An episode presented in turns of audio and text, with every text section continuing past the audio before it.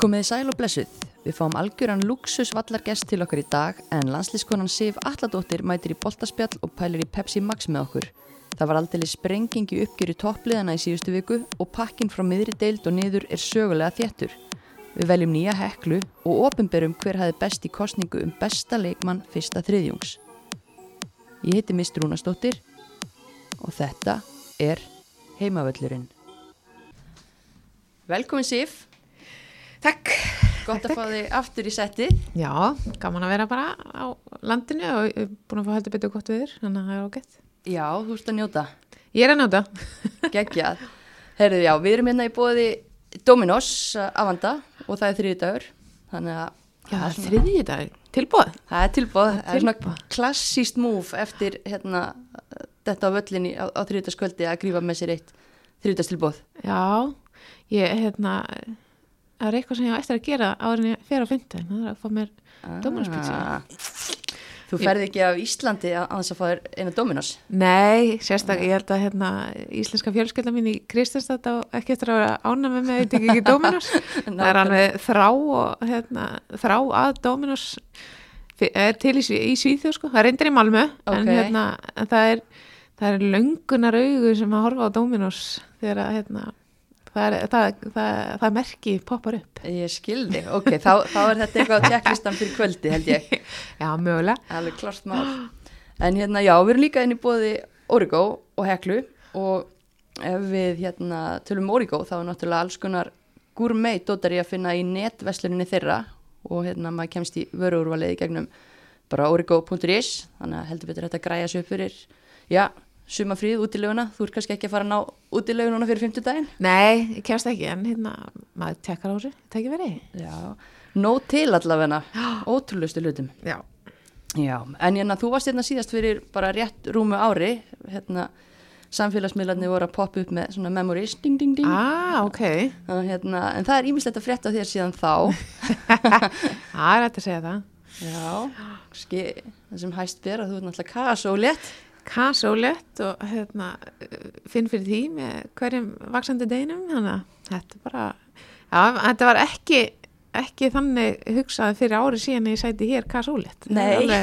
ég ætla að vera hérna á, já, að spila bara og reyndar í sumafrí núna Mm. en hérna COVID frestað öllu eins og allstaðar þannig að hérna það er kannski bara ágætlega tímasætt hjá mér Já, nákvæmlega, lífið er náttúrulega alveg magna fyrirbæri líka, maður Já. veit aldrei hvert að tekum mann, sko. Nei, nei, nei. En hvað, já, það er bara stýttist í þetta hjá þér, eða ekki? Hvenær áttu að eiga?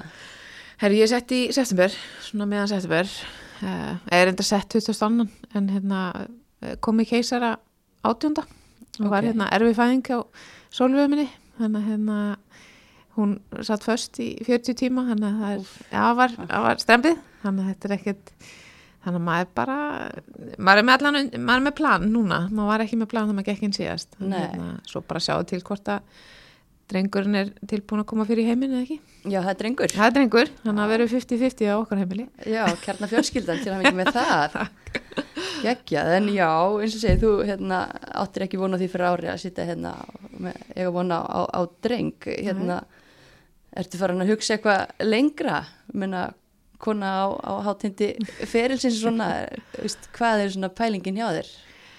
Um, sko pælingin er að koma tilbaka, uh, það er allavega stefnan og hérna búin svona sé mig gefa það út allavega að stefna tilbaka og svo bara eins og hérna maður veit, þá veit maður aldrei hvernig, hvernig það er að bæði hvernig fæðingin gengur og hvernig hérna barnið er, hvort það sé rólegt eða óvært eða þannig að maður tekur því bara þegar að- þegar það kemur. En hérna ég stefna á að koma tilbaka og hérna get alveg sagt það að það hefur, ég fengið fekk símdal hérna snemma sem að ítt undir það. Þannig að hérna bara já, ég, mér líður ekki eins og ég sé búin allavega. Þannig að hérna mér finnst það svona að vera kannski aðal. Ég er svona, ég er tilbúin að leggja þetta á mig að koma tilbaka og Mhm. mér finnst það það sýnir að ég er ekki alveg tilbúin að segja bless við fótboltan ennþá. Á, þess, á, á þeim hluta að vera spilandi. Já, algjörlega. Og það var náttúrulega tengt þessu bárust fréttir frá Svíþjóði vor að þú eru komin í stjórn sænsku leikmannsamtakana mm. og svona fylgdi þeirri frétta að, að svona þitt hlutverk þar væri að berjast fyrir réttundum þungaðara leikmanna og, og, hérna, og svona kvenna sem eru að fara í gegnum badnignir í Mhm. fótboltanum getur þú sagt mér aðeins frá því? Hvernig þetta Já, kom og svona? þetta kom nú svolítið merkilega upp sko. Hérna Mía Karlsson hérna leikmari okkur er búin að vera sérst okkar tengiliður. Það er sérst það er sérst tengiliður frá öllum hérna klúbunum í damansæskunni Mhm. uh, inn í leikmannasamtökin. Og hérna svo er ákveðin stjórn og það þýðir þá að það eru, það eru valdnir inn leikmenn úr deildinni uh, leikmenn úr landslegunum og svo ykkur, ykkur svona sem eru þú veist ykkur stjórnamenn úr öðrum eins og FIFPro og svona sko. Þannig að ég er að koma inn sem fulltrúi deildarinnar. Þannig að það er bara svona auka rödd og hérna Mía bendi þeim á að tala við mig uh, vitandi það að ég var ekki að fara að spila en, en hérna er orðin þetta sjóuð Einmitt. á hérna í deildinni og bara þau sem hérna knastmyndu kona og búin að vera að ganga, náttúrulega gekk í gegnum að koma tilbaka eftir batspurð og, og allt sem því. Húlum hægi fjö, hérna gekk, gekk áfram sko. Þannig að hérna svo bara spjalla yfir hérna, yfir manni þar og við vorum, þú veist, ég bara spennt að koma inn og hann svona spurði mig hvað, hvað væri svona mín svona áhuga, svona mála, málefni að koma inn og það náttúrulega er, er bara þessi réttindi sem að sem að mér finnst eiga að vera bara svolítið sjálfsögð sko. Og hérna og það er náttúrulega bara að finna til öryggis í, í starfsengurinu og sérstaklega þegar maður er maður eitt, veist, við erum ekkert kannski rúsla margar sem erum bara á fókbaltarnu því að þú veist, þetta er það eru flestar að vinna eða í skóla og hérna, manni líður ekkert rúsla vel vitandi það að ef þú verður ólétt eða stefnir á að vera ólétt þá er rúslega auðvelt að bara rifta samningnum eða bara kötta undan þér sko. Þannig að hérna, það er svona kannski það sem að maður er að reyna að berjast fyrir. Já, og sagði okkur um eitt svona hálfgerða hryllingsögu hérna síðast bara um að hvernig þú þurftir að drífa þið aftur út á völl bara, ég man ekki örstuttu eftir basbururuninu til þess bara verði ekki fyrir tekjutappi og, og öðru, finnst þér að hafa orðið vitundavakning? svona já og nei. Um, það er náttúrulega klúburum minn er að fara í gegnum þetta þá í annarsinn núna með mig og hérna ég er orðin sjóaðri, ég er búin að leita með miklu meira upplýsinga. Mhm. þannig að þú veist, að samaskapi þá er ég, að- ég að gera allt saman og koma með pappirinn og allt þetta sko. En uh, þetta er náttúrulega hérna í, í því þá var þetta ákværat svona vesen með hérna uh, ég rann út á samning þú veist, á þeim tíma þá var ekkert verið að gera samninga endilega við, þú veist, af hverju á að vera að gera samningum með sem var ólétt, fólk sá ekki tilgang í því, þú veist, vissi ekkert hvort þeim myndi koma tilbaka, þannig að þú veist, á meðan núna er ég á samning, en það er alltaf þetta er bara endalust fiff og bæði fyrir leikmenn og bara lið, liðið. Eh, þá náttúrulega ef það er einhvers konar svona, hvað segir maður, menju eða einhvers konar uppskrift af þetta gerist, þetta er bara eins og þú lendir í langtíma meðslum, þá vita Já. allir bara ok, þetta er prósessin, við þurfum að gera svona og svona í pappisvinnu en svo þegar að það kemur að því að fjölga manginu þá hérna, er ekki til, þetta er svolítið svona 40-50 ár tilbaka í tíman á, á, á vinnumarkaðanum sko. Já, og kannski svolítið nýr málaflokkur að verða til í knaspinu kvenna að því að það er ekkit svo langt síðan að það var bara eðlilegt að konur hættu eftir að, eða þú veist, eða það fóru eignarspöld. Þetta er að verða miklu algengara núna, eða ekki? Konur haldi áfram. Jú, minna heldur en ég vill, minna að því að sko ég, ég sé þetta frekar sko að uh, við munurinn er bara á okkur og strákunum er að við göngum með börnin, þú veist, þeir geta æft fram að fæðingu á fæðingadegi og daginn eftir og spilað og allt þetta.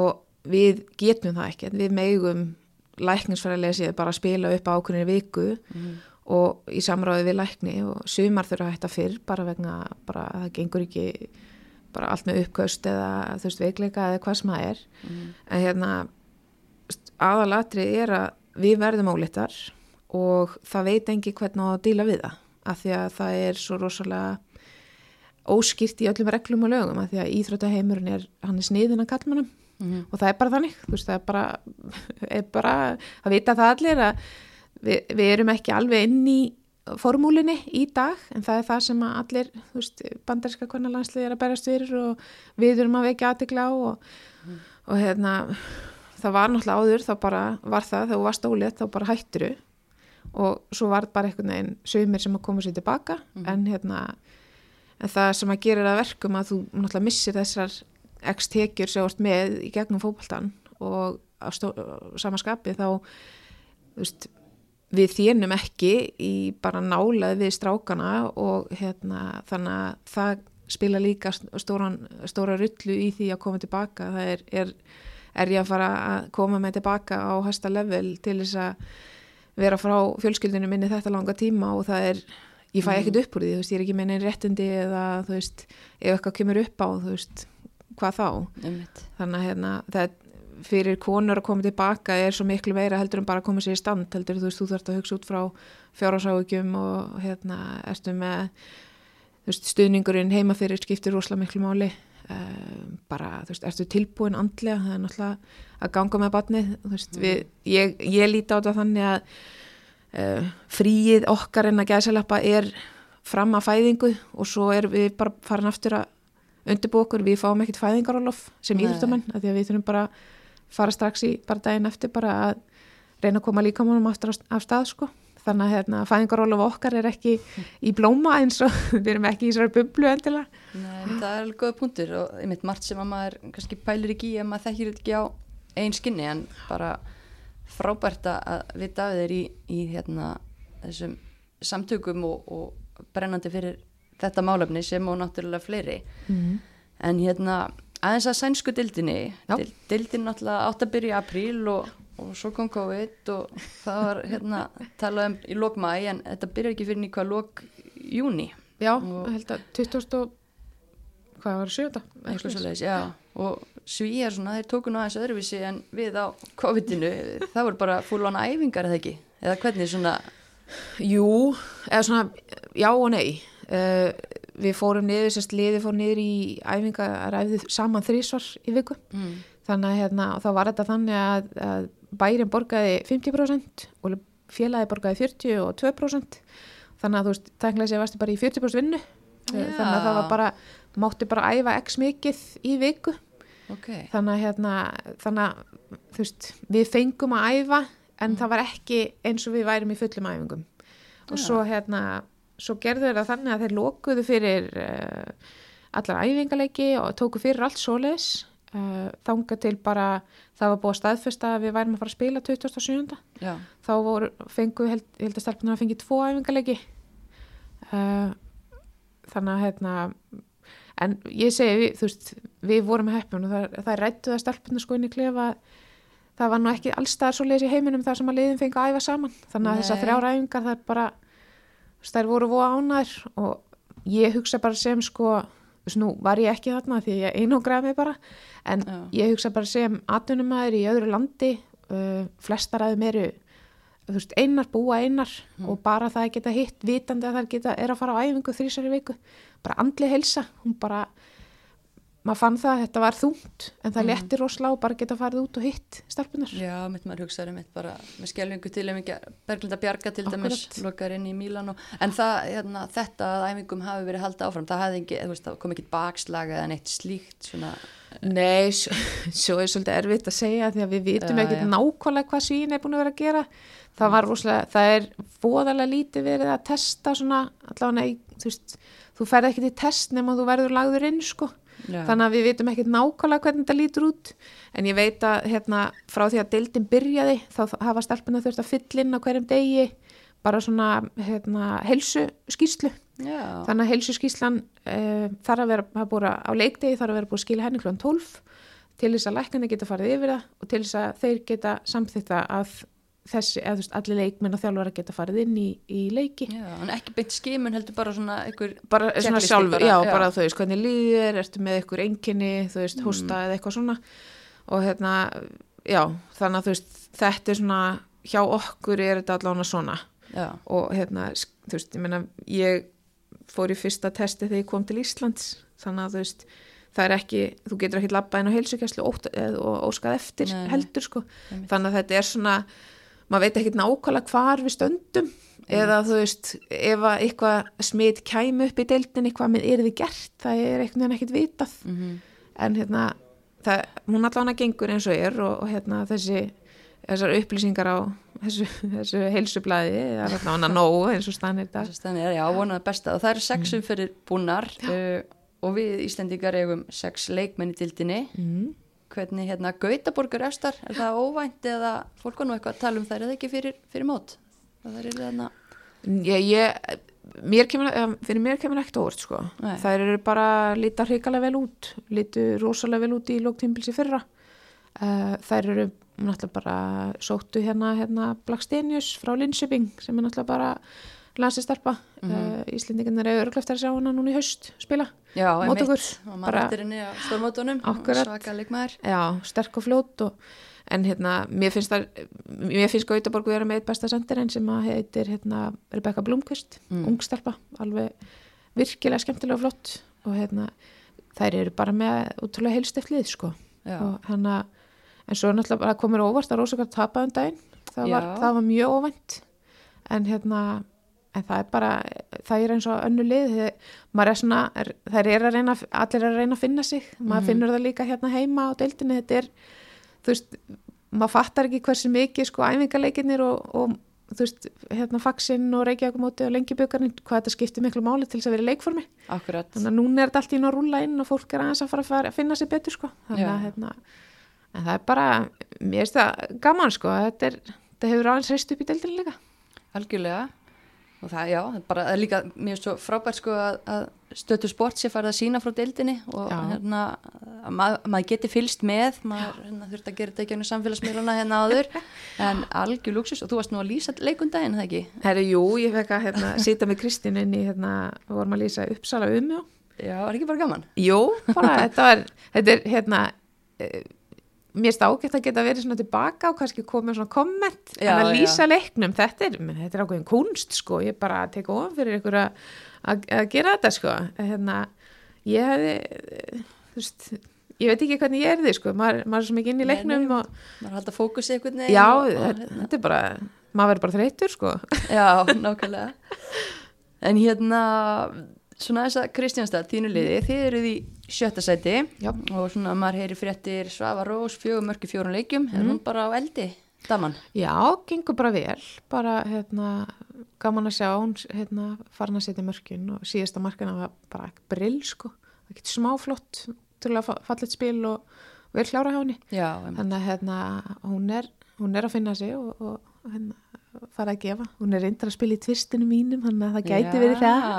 Já, happa þar En já, sjötta sæti ég meina þið, hvað er svona raunhæft markmið fyrir Kristjánstad í svona með að við allt og ekkert í á þessu tímbili Já, við viljum náttúrulega fara að herra heldur en við gerum í fyrra, við lendum í sjöndasæti fyrra. mm Um, það er rosalega lokkandi uh, Svíþjóð fekk auka mestardeldarsæti í ár Mm. þannig að topp þrýr fari í mestardeldina þannig að það er náttúrulega eitthvað sem maður horfir á og hérna það er því sögulegt. Bara við farið hæst í fjóruðarsæti og við viljum náttúrulega fara að hæra Já, þannig að hérna uh, já, bara núna þá er það bara að klifra upp töfluna, það er svona þú veist, markmið er bara að enda eins hátt um að getur. Og hérna, mér finnst við vera með gott lið. Og hérna það verður áhugavert að sjá hvernig COVID uh, hefur áhrif á bæði liðið og, og deildina mm því að hérna, við erum komið með held í 11 krossmandasleiti í deildinni núna. Nei, Já, bara, bara- núna núna frá bara í, í COVID og eftir COVID. Vá, Já, þannig að það er líka segir svolítið mikið um að hversu mikil áhrif þessi þetta frí, COVID-frí uh, já, gerði sko. Þannig að maður veit ekki alveg hver er, hver er ástæðanum bak það. einmitt, áhugavert. Mm. Vá, en hérna Já, nú er ég bara svona eitthvað að hugsa að því að það maður er líka búin að vera að heyra fréttir hérna heimann sko af krossbandaslitum en ég er svo sem já, En það eru, það, sko, ma maður tók alveg vel eftir í að fyrstu leikinir Mm. og það var alveg vikunar fyrir, sko, þá kom upp bæði svolítið alveglega meðsli og bara svona skrítin meðsli, þú veist, náttúrulega mikið af svona veðvatóknunum og svona sem er kannski ekkit óeðlegt, þú ert að, ert ekki búin að vera að spila eða þannig, já, en hérna það er rosalega mikið krossbandutlutum hjá okkur úti og það, það er, við erum, erum lent í tveim, hérna, það kemur bara, þú veist, maður veit ekki hvort það séu veikari fyrir eða hérna, nú hafa þær held í báðarslitið hjá okkur sko, áður. Já. þannig að það er spurning, þú veist, hvernig hérna, þetta, þetta COVID frí bara frá leikjum og æfingum Mhm. og svona sko, en hérna ég hérna, þekki mitt þjálfar til mig vel og, og hérna ég veit hvað þeir eru búin að gera. Já. þannig að hérna það, þetta komið svo óvart. En svo veit maður ekkert, svo er bara eins og ég segi, þetta, við erum öll einhvern veginn að gangi í gegnum einhverja hluti sem við mikið gert áður. Mitt, hver dagur lærdomsríkur og já. En segðu mér annað að því að maður heyrði líka fréttir bara að því að Elisabeth Gunnarsdóttir þjálfarinn hjá Kristjánstæta Mm. og hún hefði ekki geta styrt liðinu í eitthvað tíma vegna einhverja veikinda. Hvernig er staðan á henni núna? Og hvað eiginlega gerðist? Eða hvað var málið? Uh, þetta var, hún fekk sérst eitthvað vírus. Já, og hérna sérst uh, hann bara svona reðst svolítið á hérna svona myndaði svona, svona bólgur aðeins í, í hársverðinu með svona einhver, einhver vírus man ekki hvað þetta var og hérna sem bara gerði að verkum og hún átti að rétt með svefn og, og bara var verkið sko. Þannig að Mhm. hérna það kom svo hérna var ég veit ég hef hún að kannski, já, getur maður sagt greint vittlust eða eitthvað í byrjun og Já, svo held já. þetta væri bara vöðabólka en hérna ef hún er að greina þetta þennan tiltekna vírus snemma og farið bara rétt, rétt síklarlif þá átt að vera að fara eftir tvær vikur mest sko, ok. En að því að hún, hún að dregst svo lengi þannig að það situr þetta lengi í henni. Já, og hérna, en ég held svo, hún er öll að koma til. Hún er búin að vera meira meira að taka yfir æfingarnar og, og hún er búin að fara með í alla leiki og svona sko. En en, hún er hérna, búin að geta það. Já. frábært. og hérna, eh, þannig að hún er öll að koma til og hérna, það bara en hún er sem betur við með gott fólk í kringu sig og, og hérna, Björsi, Björsi hefur tekið svolítið vel yfir og, og Jóhanna og svona, þannig að hérna, þau hafa, Björsi, Jó- Kristín og Jóhanna hafa fengið fengi aðeins meira að gera. Það er bara til þess eru góðu temin sko. Akkurat. Það þannig að hún fær svona nýtt perspektíf að geta setið kannski aðeins ofanfrá og hort svona manager, hlutin aðeins meira. Já, en hérna, það er samt eitthvað sem ég get ekki myndið mér betra að slaka á sko en hérna kannski kannski næra að að, hérna gera það betur eftir þetta, ég veit það ekki. Já, já, hún hérna, hún er, ég hef bara verið það heppin að hafa fengið að hafa hana fyrir fram að mig í x mörg ár, nú Mhm. held ég að sé komin ykkur 13-14 ár sem hún hefur verið að þjálfa mig.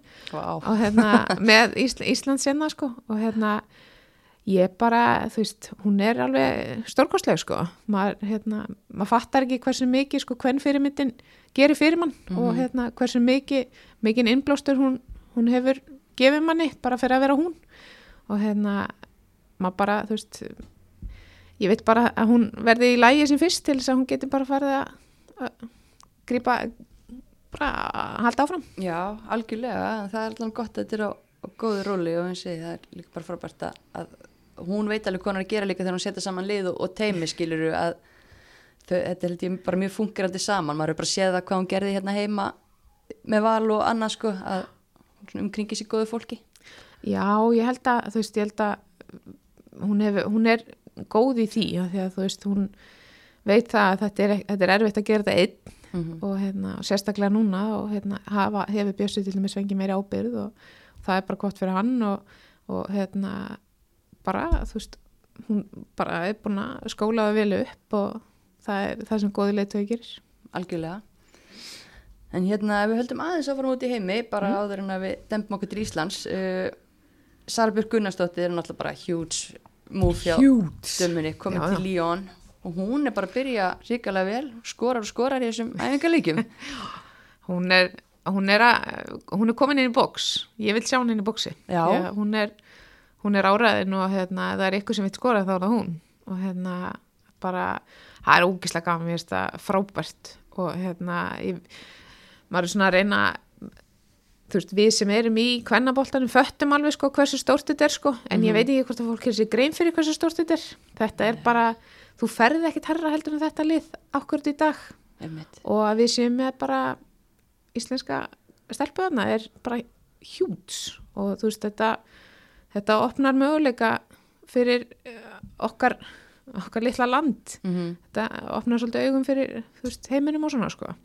Þannig að hérna bara gegja fyrir okkar okkar ungu kynnslóðir sem er að koma upp í boltanum að fylgjast með söru og hérna og, í mestardeldinni og í þessu liði Já, frábæra fréttir náttúrulega hún færa að, að spila með Lyon í hérna, já, síðustu leikjum mestaradeildarinnar. Já, ok. Af því að já. Það var ekki, það var ekki víst.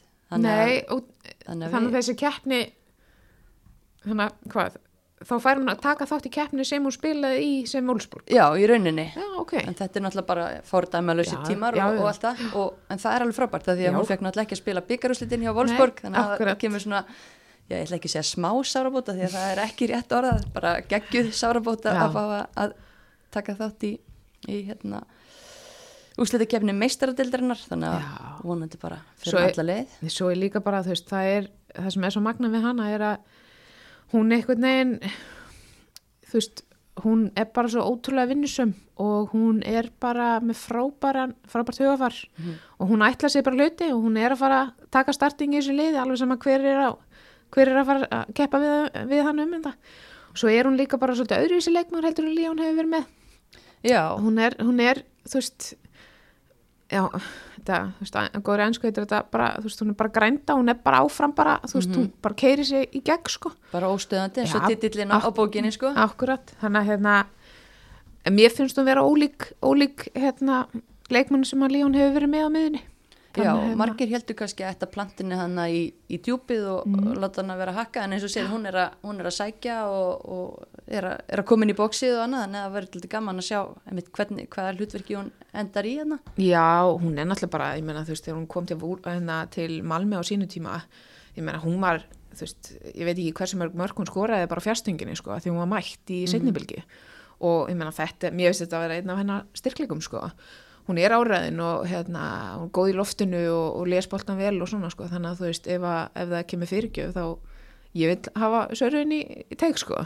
Þannig að hérna, bara bara geggjað, ekki aðmælegt að vera að skora í hverju leik sem, að, hérna, sem hann er að fá núna Nei, nákvæmlega. Ég, allan, ég er alveg mega spennt að fylgjast með þessu og, og hlakka til þeirra þessi meistaradeild eftir í gang. Vonandi verður þetta allt sínt. Ég, Já, býtu, er það ekki bara í ágúst er það ekki á sama tíma? Ég held þau það. sirka? Já. Þannig að spennandi tímar. Mm. En já, þú ert búin að vera í sumafriði hérna á landinu og ég hef nú búin að reka stað á einhverjum fótboltavöllum. Já, Uh, ekki bara ágætt að geta fengið svona íslenska boltan beint í æð í staðins að vera að fylgjast með alltaf í gegnum fjölmiðla eða netið. jú, það búið að vera svolítið skemmtilegt sko, hérna líka bara eh, mega að fara á völlin Já. Svíjarnir, það er búið að banna það er engir áhörundur á völlunum í Svíþjóð sko Mm. þannig að hérna er bara rosa gaman, líka bara gaman að sjá hvað fólk er að sækja völlin og, og alveg saman einhvern veginn hvar maður fer þá er alltaf fólk. Já, það, það finnst mér mjög jákvætt. tala um að, að hérna, áhörandutölur hafa aukist. Það hérna við, já, Pepsi Max er meðal aðsóknin í sumar búin að vera í kringum 270 með við 217 í fyrra. Já, þannig að fólk hefur verið æst að komast út eftir COVID og náttúrulega bara deildin alltaf að verða betri og, og betri. Þannig að það er ekkert skrítið. Mér finnst þetta bara eðlilegt en samt mjög jákvætt og maður fagnar öllum svona fréttum og, og svona, hvað maður að segja hann er bara staðfest í svega fyrir aftan já að um, fjölga. umfjöllunin skiptir líka máli Mhm. mér finnst búið að vera aukast mikið og sérstaklega það sem að ég er að fylgjast með og vill reyna að fylgjast með það, Mhm. er, aðeins að, það er að bæti í og maður finnur það alveg Ég meina, þið eruð á öllum um, Pepsi Max og fyrstu dellalegjum mm og hérna, þannig að maður er, maður er miklu meira fylgist miklu meira með maður næra að fylgjast meira með núna. Já, þannig að hérna, ég bara hvet bara áfram, bara áfram meira og ég vil meira. Mm algjörlega, við viljum alltaf meira. En hérna, það var nú aldrei sprenging í síðustu viku í uppgjöru toppliðana varstu á vellinu þar, Valur já, ég fór á öllin Þetta var leikur sem allir voru búin að býða með eftirvendingu og fyrir leik þá var fólk að henda alls konar á Twitter, veist, ótrúlega tölfræði þjálfarana til dæmis, já, blikar hafa bara tappað sjö dildaleikjum frá 2015 já, og Valur 6 síðan Pétur tók við þar síðastu sumar. Og veist, blikar töpuðu síðast leik í september 2018 á móti Val og Já. Valur tappaði síðast dildaleik hérna, 50 og undan því, veist, þannig að ég veit ekki, bæði lið einhvern veginn ekki líklega til að tappa nei. Og hvernig fannst þér þessi leikur? mér fannst þetta, þú veist þetta var ótrúlega áhugavert sko, ég var nefnilega svolítið spennt að sjá hérna hvernig Steini og Pétur myndi setja upp leikin, bara svona varnarlega séð og því bæði náttúrulega hörku sóknalið sko. Og hérna svona ég gerir svona komast upp tröppunar svo bara kemur fyrsta marki í setnaleg og ég er varla sest og þá kemur annað og það náttúrulega breytist, breytist leikunni svolítið mikið sko. Og meina, það þarf að fara að sækja, valur þarf að fara að sækja og þá opnast það meira og svona sko. Mhm. en hérna, tek ekkert af þú veist, blíkanum, það er bara þú veist, Sveindis klárar þetta frábælega Já. og bara, þar erum við með ótrúlega skemmtilegan og efnilegan leikmann fram, fram, framöndanina í landsliðinu sko. Algjörlega, hún bara já, afgreðir til á 40 sekundum, má, Mhm. má segja og eins og þú nefnir það er náttúrulega martröð sko að lenda undir móti blíkum og þurfa að sækja, hvað þá að lenda tveimur undir. Já, þannig að, að hérna já, ég veit ekki, svo hérna, Pétur sendi eitthvað bref hann inn á til öttu og, og fleira en það vir- virðist ekki alveg hafa, hafa virkað og, og ég er svo spennt að vita hvað væri í brefinu Já, stu með kenningu? Nei, alltaf sé ekki bara, þú veist, þessi fyrir á hæri kant og þessi fyrir á vinstri kant eða sækja hingað og þangað eða eitthvað, en hérna, nei, ég, það sem að mér fannst bara eh, gaman að sjá þessu leik, það var, þú veist, það var náttúrulega pínu stress í byrjun og hérna, boltin var svona svolítið upp í loftinu og svona, en hérna, en, ég meina, spilið í, í veist, þegar það náði, þá, þá náði, þú veist, þá gekkar rosalega vel. Blíkanir aðeins betur heldur en valsarni, sko. Ég hefði viljað svo Dóru og öllu hans meir í boltanum, sko, valsmegin já, að hérna, svo með við heldur ekki gleyma að hérna, Fandís var ekki með.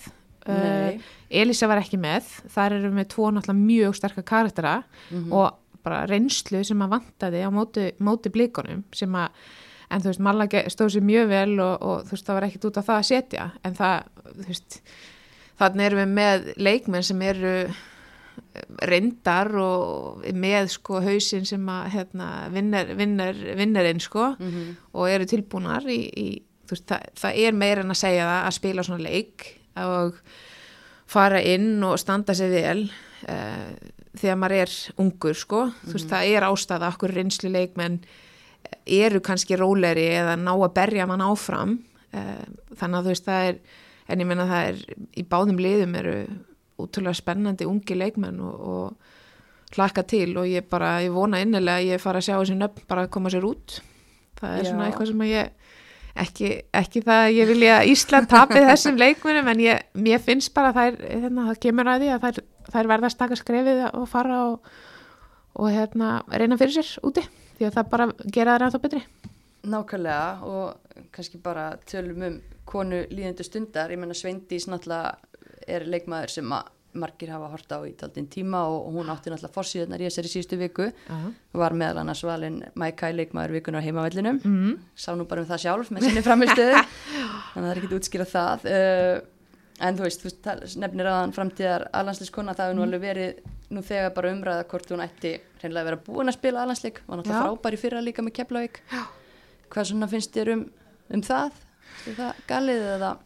Nei, nei, þú veist, mér finnst þetta alveg réttmætt sko, en hérna, svo megum við samt ekki gleyma að uh, 19 ára leikmaður að koma inn og spila í alansliðinu á móti fullvaksna varnamennum, það er, þetta er, getur verið sjokk sko. Mhm. og hérna, okkar vandamál kannski hér er að við erum ekki með þennan, þetta, þessa litlu brú sem er 23 ára liðið, sem að er ókslega mikilvægt. Og þetta er sama eins og bara með við konur við byrjum miklu fyrr að spila í mestarflokki þannig að þú veist að vera 15 þú veist, ég, ég, byrja, ég spilaði með stelpa sem var 13 ára þú veist hún er ennþá að spila með mér núna 2003 Já, þannig að þú veist þetta er rosalegt stökk og ég skil þetta með að Svendis þú veist, hún klálega hefði hún geta verið búin að spila en 19 ára liður eiginlega alltaf að spila á sama tíma á alansliðið og ég sé hennar þroskaferli hafa verið betra með að spila með 19 til þess að fá leikina, til þess að fá veist, mörkin, skora mörkin þú veist, vera dóminara svolítið þar, að því að hérna, þess, ég sé þetta sem þetta er, þetta er erfitt af því að við erum ekki með þetta skrifað á milli. Uh, og það er, þú veist, svolítið eins og maður horfir á bara hvenna teildina svolítið í heimi það er, við erum í Svíþjóður við erum með 19 ára lið og svo erum við með alið. Og það er sem eru ekki í 19 ára liðinu og eru ekki komnar inn í hópi 19 ára, þá hverfa þeir svolítið. En þú veist, það vantar þetta skrefan á milli, það vantar þetta 23 lið eða bílið eða varalið eða hvað, Mhm. að því að þú veist, sumir þroskast bara aðeins setna, sumir eiga eftir að blómstra þeir eru 22-30, en þá er alla líkur á því að það, sá einstaklingur er hættur. Og það er að sama eins með, með landsliðin við erum með alveg ótrúlega sterkan 19 ára hóp þú veist, við erum með Sveindisi, við erum með eh, veist, Karolínu, við erum með Mundu, þú veist, Barbaru og allar þessar stelpur. Og ég, ég er full af trúi að þeir eru alveg eftir að koma inn og, og trúa á sokkunum mig, sko, bara eitthvað, við getum alveg staðið ykkur, sko. Já. en ég vill að þær komi inn og finni að þær eiga virkilega bara sjans í það. Þú veist, að spila móti Nillu Fischer, að spila móti þú veist, eh, Renard eða hvað sem það er. Bara, ég segja þroskaferlið fyrir þær og í þessum kjarna hafi verið rosalega mikilvægur að halda þeim saman eins lengi og hægt er.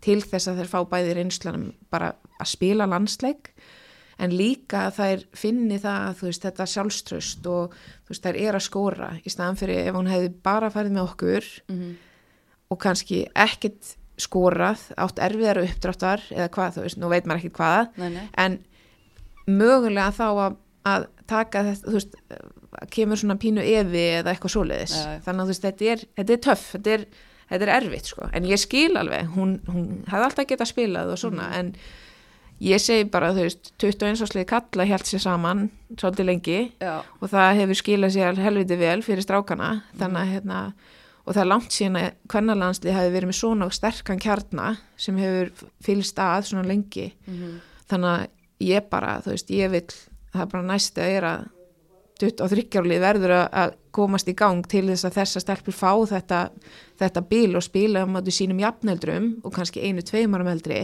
en þurfi ekki að fara að spila við 35 ára reynslubólta sem að er kannski, þú veist, aðeins erfiðar í hann að taka, sko.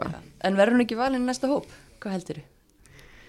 Já, ég held það. Er Já, þú veist, ég erfitt við? með að sjá að það ekki gerast, sko. Nei, nú er náttúrulega, þú veist, Margit Lára hætt síðan í fyrra, Fandís er átt, þú ert átt, Ég er átt. þannig að það eru, það eru nokkuð spott á opnastanna sem hafa verið hérna frátekinn. Já, já. Og ég meina þær eru, ég meina Sveindis á svo sem ára eftir í 19, en þær eru hérna, Karó og þær eru að stígu upp núna, minnum við það ekki? Já, þær eru allar 2001, þannig að þær eru allar að Já, að ok. klára og það var svolítið leðilegt fyrir þær út af COVID, það náttúrulega var tekin Akkurat. að þeim úslitakeppnin, sko. Akkurat. En Jú, núna, ég- þú veist, ef að hérna, einhvern tíman var þörf þá er núna nöðsin á þessu 23 liði að því ég er alveg 100% sammálaður í öllu sem þú ert að segja það er mjög við mátt svona rosalega öflugan hérna, árgang og, og kjarna er enda 2000 árgangurinn var frábær líka. En hérna, þessar stelpur eru augljóslega ekki allar að fara að taka spott, við erum kannski að fara að sjá Nei. tvær, þrjár max væntalega núna næstu 1-2 árin. Já. þannig að bara gjöru svo vel. Kerið í gang, takk fyrir túkall en hérna við erum að tala um ungan og efnilega leikmann. Við erum að tala um eldri og já, jú, jú, efnilegan, okkur ekki. Það er alltaf verið að tala um sóknarleikin og blíkum en þar hafa heldur betur verið að standa vaktina tilbaka. Mm. uh, kona nafni Sonny Lara Þráinsdóttir spilaði sinn 200. leik núna föstu daginn gegn þrótti. Heldur hreinu, búin að halda hreinu í allt sumar. Og það er ekki það að hún sé bara búin að vera í eitthvað frí að í markinu, hún er búin að eiga game changing vörslur á móti val og þrótti til dæmis báðanleikjum þú veist ótrúlega leikmaður Já, bara ótrúleg, eh, bara kransmiðu kona og bara að það, náttúrulega dásanlega manniska, sko. Þannig að, en þessi tölfræði er náttúrulega bara eitthvað störtluð, sko. Ég bara, fekk að sér sko fjögur mörg sumari 2015 Þú veist, getur hún toppa það í sumar er það ekki bara rosalega ósangjöld krafa eða þú veist, hvað, er það hægt? Jú, jú, jú, þú veist, ég, ég myndi ekki, ég myndi ekki setja þess að pressa á Sonny, sko, en hérna, en það er náttúrulega bara, Sonny, Sonny er bara svaka góði leiðtói í öllu sem hún gerir og bara, það er greinlegt að hún hefur, þú veist, hún er að skóla línunum sína vel og hérna, og þar er hún alltaf með aðstöð í steina á þeim, sko, þannig að þú veist, það er rosa gaman að, sjá hvað í rauninni, þú veist, hvað hann komið 200, land, 200 leiki og, og hérna, það bara einhvern veginn heldur bara áfram að ganga og hann að þetta er bara eða, hún er, það er gaman að fylgjast með þeim sko. mitt, hún var hérna náttúrulega bara lengi náttúrulega í fyrstu dildinni og var alltaf, jú, lang best þar. Var sko markahæst í fjölni 2013 Já, ég er að býða eftir hún fá að steini hleypinu föllin til þess að leifin að taka aukarspinnu Nákvæmlega. leifðu Sonni að taka aukarspinnu mér langar að sjá það af því að maður þekkir hann á fót sko Já. og hún getur alveg sett hann í skeitina hún vill einmitt, maður er ekki að gaggrina steina fyrir margt en ég Nei, er bara þarna. gaggrinum hann ofinlega fyrir, fyrir að lefa ekki sonni að mynda, mynda fótinn sko en hérna, hún spilar ekki fyrsta landsleik fyrir hún er 30, þú veist, Já. Leit Blúmer uh, komið sjö alasleiki Mm. sagði í viðtalum daginn hún hefði nú bara ætlað að taka eitt tímabil með blikunum og kalla þetta svo gott en, en hún hefur fundið mikla gleðu, gleðu og ánægi hann í Kópaveinum og, og hérna bara, þú veist bara hrósinni. Já, mér finnst hún bara stórkostlega sko og hérna við höfum nú verið ansi heppin í, í, í þessum aldurslokki, þú veist við vorum með Þóru hérna, Helga lengi vel fyrsta markmann og svo erum við með Guggu, Söndru og Sonni allar sem eru bara á sama aldri. Einmitt þú veist, maður hefði lega óskað þess að þetta hefði dreifst aðeins meira sko, bara svona, þú veist, þeirra vegna og, og karjar og svona Mhm. en hérna, en ég get alveg sagt að Sonni bara búin að vera frábær og náttúrulega bara eins og ég segi alveg dásaleg manniski frábær leiðtöi Mhm. og bara topp, topp eindak Já. og hérna blikan er alveg virkilega hefnir að hafa hana sko Algjörlega og þetta er ansi vel ansi vel skipalið uh, Berglind Björg, hún er vel markahæst komið tíu mörg skoraði þrennu á móti þrótti núna já, fyrstu daginn búin að skora tvær þrennur í sumar og þetta var vist 13. þrennan hennar í dildinni Var hann ekki að jafna eitthvað, eitthvað núna? Eitthvað, eitthvað gamla kempu Jú, hún var að jafna ástildi Helgadóttir í skoriðu mörgum í efstu dild Já, ok. Þannig að ég man ekki alveg uh, viðir skrifaði hérna greinin á MBL hvort að þær séu þá í sjönda sæti eitthvað svoleiðis yfir Ok, flest með skorið þannig að Já. hún er bara tvílitt að stimpla sér inn í sögubækunar já, já. Og þetta er svolítið magna sko að Ber- eh, Sveindís setur þrennu hann á móti val og svo kemur næsti leikur uh, jú, eðlilega fókus á að loka á Sveindísi og, Já. náttúrulega bara lokaðar allar en, en hérna þá er bara næsta sem að tekur þrennun á sig. Já, ég meina þú veist, það er það sem að eh, eins og þú veist, það er bara gaman að fylgjast með blikalegin í dag vegna þess að þær eru vel spílandi, þú veist, það þekkja greinlega hver aðra mjög vel, Steini Drilla er mjög vel greinlega og hérna eins og þú segir, þú veist, ef maður lokar á einn þá opnast bara fyrir annan og ef það loka á þar báðar þá kemur ykkur þriðji og þú veist, það er einhvern veginn ekkert þú veist, þú þarft að taka bara alveg, það er ekkert þetta að fara að taka einn eða tvo fyrir, þú Nei. þarft bara ég meina Alex er að koma á miðjun og skora og Karo og þú veist, það bara, þetta er bara fullt af frábærum knastmjögum konum sem að bara finna sér liðir í, ef það er eitthvað, eitthvað annað sem að lokast, sko. Steinu var nú eitthvað að væla í gríni ykkur viðtalið að var hvart yfir að væri bara fjóri leikmenn búin að skora það er Berglind Svindís, Aklamari og Alexandra stóðsendingandir er náttúrulega að koma úr öllum áttum, Já. gaman að sjá það veist, þá- og Já, þá kemur líka einmitt, eins og þetta þegar að ef það eru þessar fjórar Mhm. ef er eitthvað lið sem getur köttað þær út og lokað á þær þú veist, eru þá hinn að tilbúin að stígu upp já, ég held það, Mhm. Já. þær eru svona bara pín og býða eftir tækifærna að sé búið að loka hinnar algjörlega að hérna, eins og sé, þetta er þetta er ótrúlega spennandi blikalið og, og hérna og bara gaman að gaman að sjá, sjá þær spila sko, Mhm. því þær eru ekkert uh, gamlar þessar uh, dömur Nei, hérna með einn aldursfóstita í markinu sem að Já. rekku þar áfram og, og, og Berglind svona til að já, hamra hana fremst og svo náttúrulega Rakel Hönnu þar eiga hann er svolítið inni sko. En hérna svona áður um förum frá blíkunum þá kannski er rétt að opinbera það að nú eiginlega bara rétt í þessu var að, að ljúka kostningu sem að heimaöldurinn stóð fyrir á samt fótbolt.net og vinum okkar í Origo það var sett verið að kjósa á, milli, eh, á Twitter á milli fjögura leikmanna sem Já. að hafa þótt skara fram úr í dildinni Elimetta og Hlín hjá Val tilnæmdar, það kemur ekki óvart, Berglind Björg og Sveindís tilnæmdar hjá Breðblik og bara já, The Tribe has spoken, Sveindís Jane vann þá kostningu, nokkuð öruglega, Til hann ekki svendis. geggjaði á henni, fara launum mjög nett bós, svona sólgleru með innbyggðum Bluetooth hátilurum. Hefur þið séð svona? Nei, Þetta er sko mjög nett stöf. Ég, hérna, bara, ég skal alveg viðkynni, ég hafði ekki, ég var svolítið skeptíks á þetta fyrst þegar ég sá svona, Já. en svo prófaði ég þetta og þetta er bara alveg málið. Við, er það sólkleru? Þú setur það á þig Já. og það er bara Bluetooth bara, þú veist, fyrir ofan gæðin en við eirun, þannig að þegar þú tekur það af þá heyrir ekki neitt, en svo leiðu setur þetta á þig, þá heyrir bara þú. Núi, þetta er, þetta er eitthvað framtíðarstöf sko. þetta hljóma Shit. nefnilega þannig en svo er hönnun á þessu bara töff þannig að Já. glerun er cool Ok. og hérna og þú veist, þetta virkar, maður heyrir um eitthvað svona og svo bara prófa maður þetta og Já. virkar ekkert en þetta er alveg spot on sko þetta er, Ég vil fá mynd á Instagram sendis með glerugun. Ég að fá alvöru, alvöru protokól á það. nákvæmlega við, við finnum svindis eftir, eftir leikina á morgun og látum hann að máta gleruin hmm. en hérna já, valskonur í öðru seti eftir hérna svona erfiða síðustu tvo leiki náttúrulega jættiflega við fylki hérna spila manni ferri í 90 plus standa sér bara hrikalega vel með Já. við aðstæði þar og svo eins segja náttúrulega glata að tapa 4-0 fyrir aðal keppinutunum en, en við vitum alveg hvernig leikunni þróaðist og eins og Pétur talaði við vitum skipti kannski ekki máli hvort það byrja 2-0 eða Nei, 4-0 akkurat. þú veist og Það, Það þurfti bara að markja og það eru að sækja og það er bara það sem að gerist þegar að leikurinn opnast og Mhm.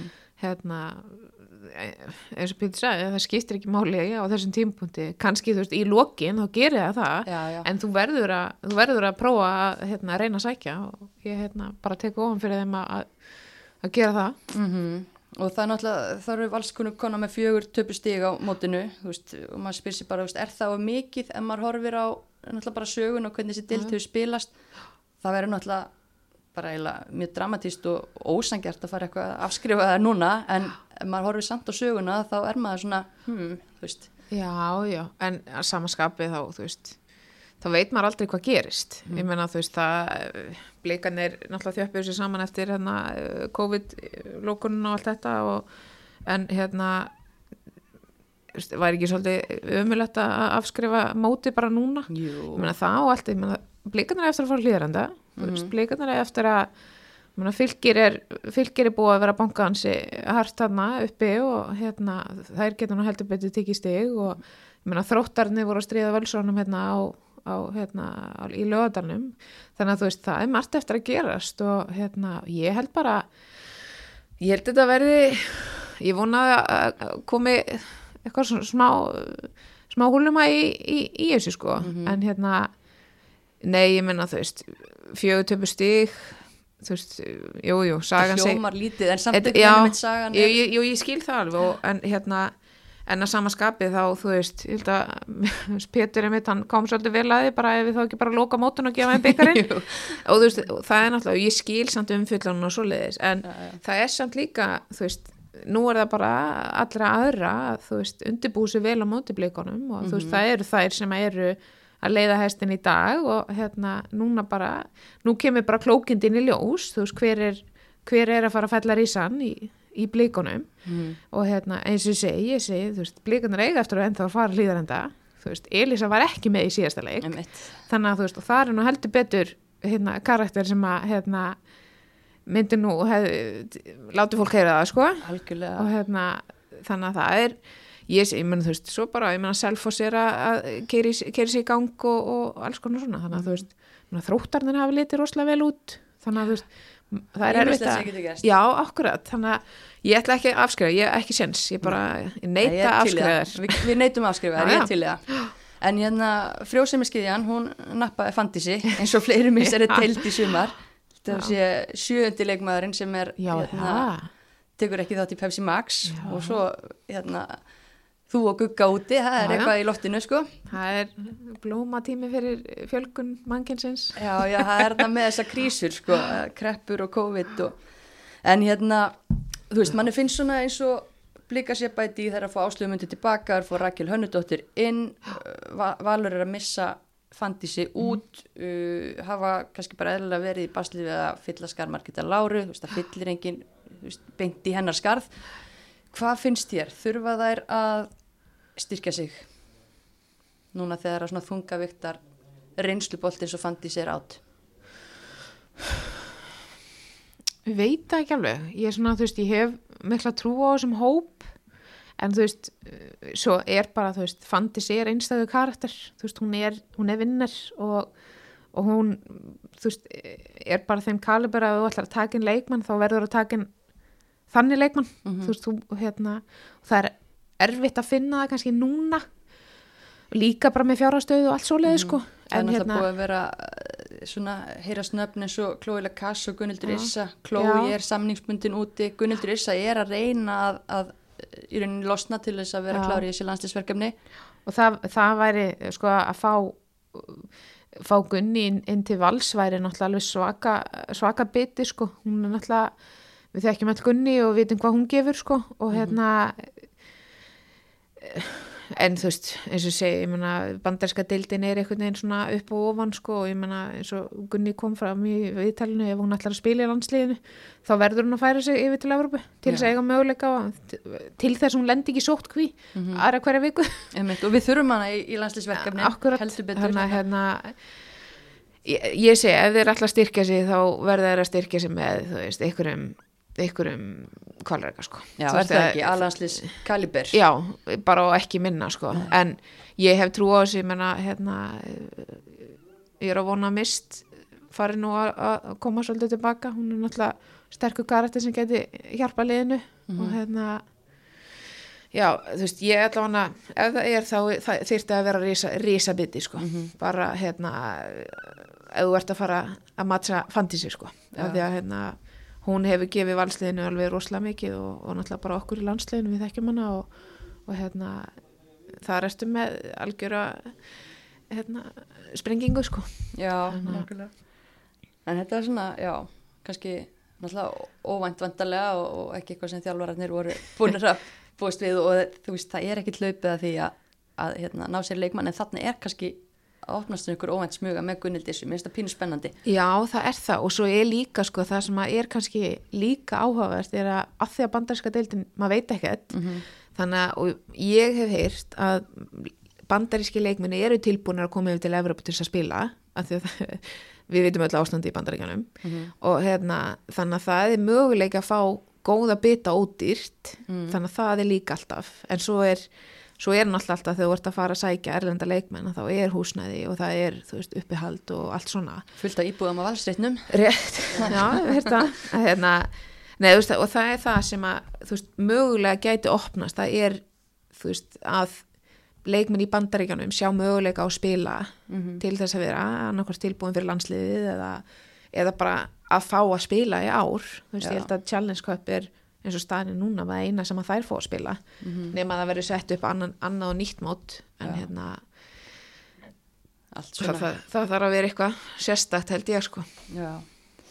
En hérna, kíkma fylki, Mm. fylgir, 12 stig, uh, það eru tablusar, byrjuðu þetta mót mjög heillandi, það var kannski samt aðeins að högta í síðustu tveimur leikjum, svona allavega hefur kjartan ekkit verið sérstaklega kátur í síðustu viðtölum, það er hérna að gera jafntölu við Þór Káa og voru eiginlega bara heppnar að vinna stjörnuna 2-1 leiknu þar áður. mm.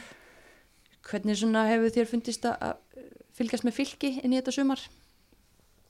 Mér finnst það spennandi sko um, maður hefur, ég hef ekki náða á nóga mikið af þeim en maður svona er aðeins skoða bara þú veist, verið að lesa í textalískum og svona sko svo náttúrulega bara við töl og, og svona en hérna fylgir stefnir hátt og maður heyri það og maður heyrir að það sé fínt jafnvægi í klubnum Mm -hmm. hérna yngri flokkarnir hjá stelpunum er að byrja að blómstra og, og svona. Þannig að hérna ég held að hjartan sig gera bara ágætlega með, með þær sko.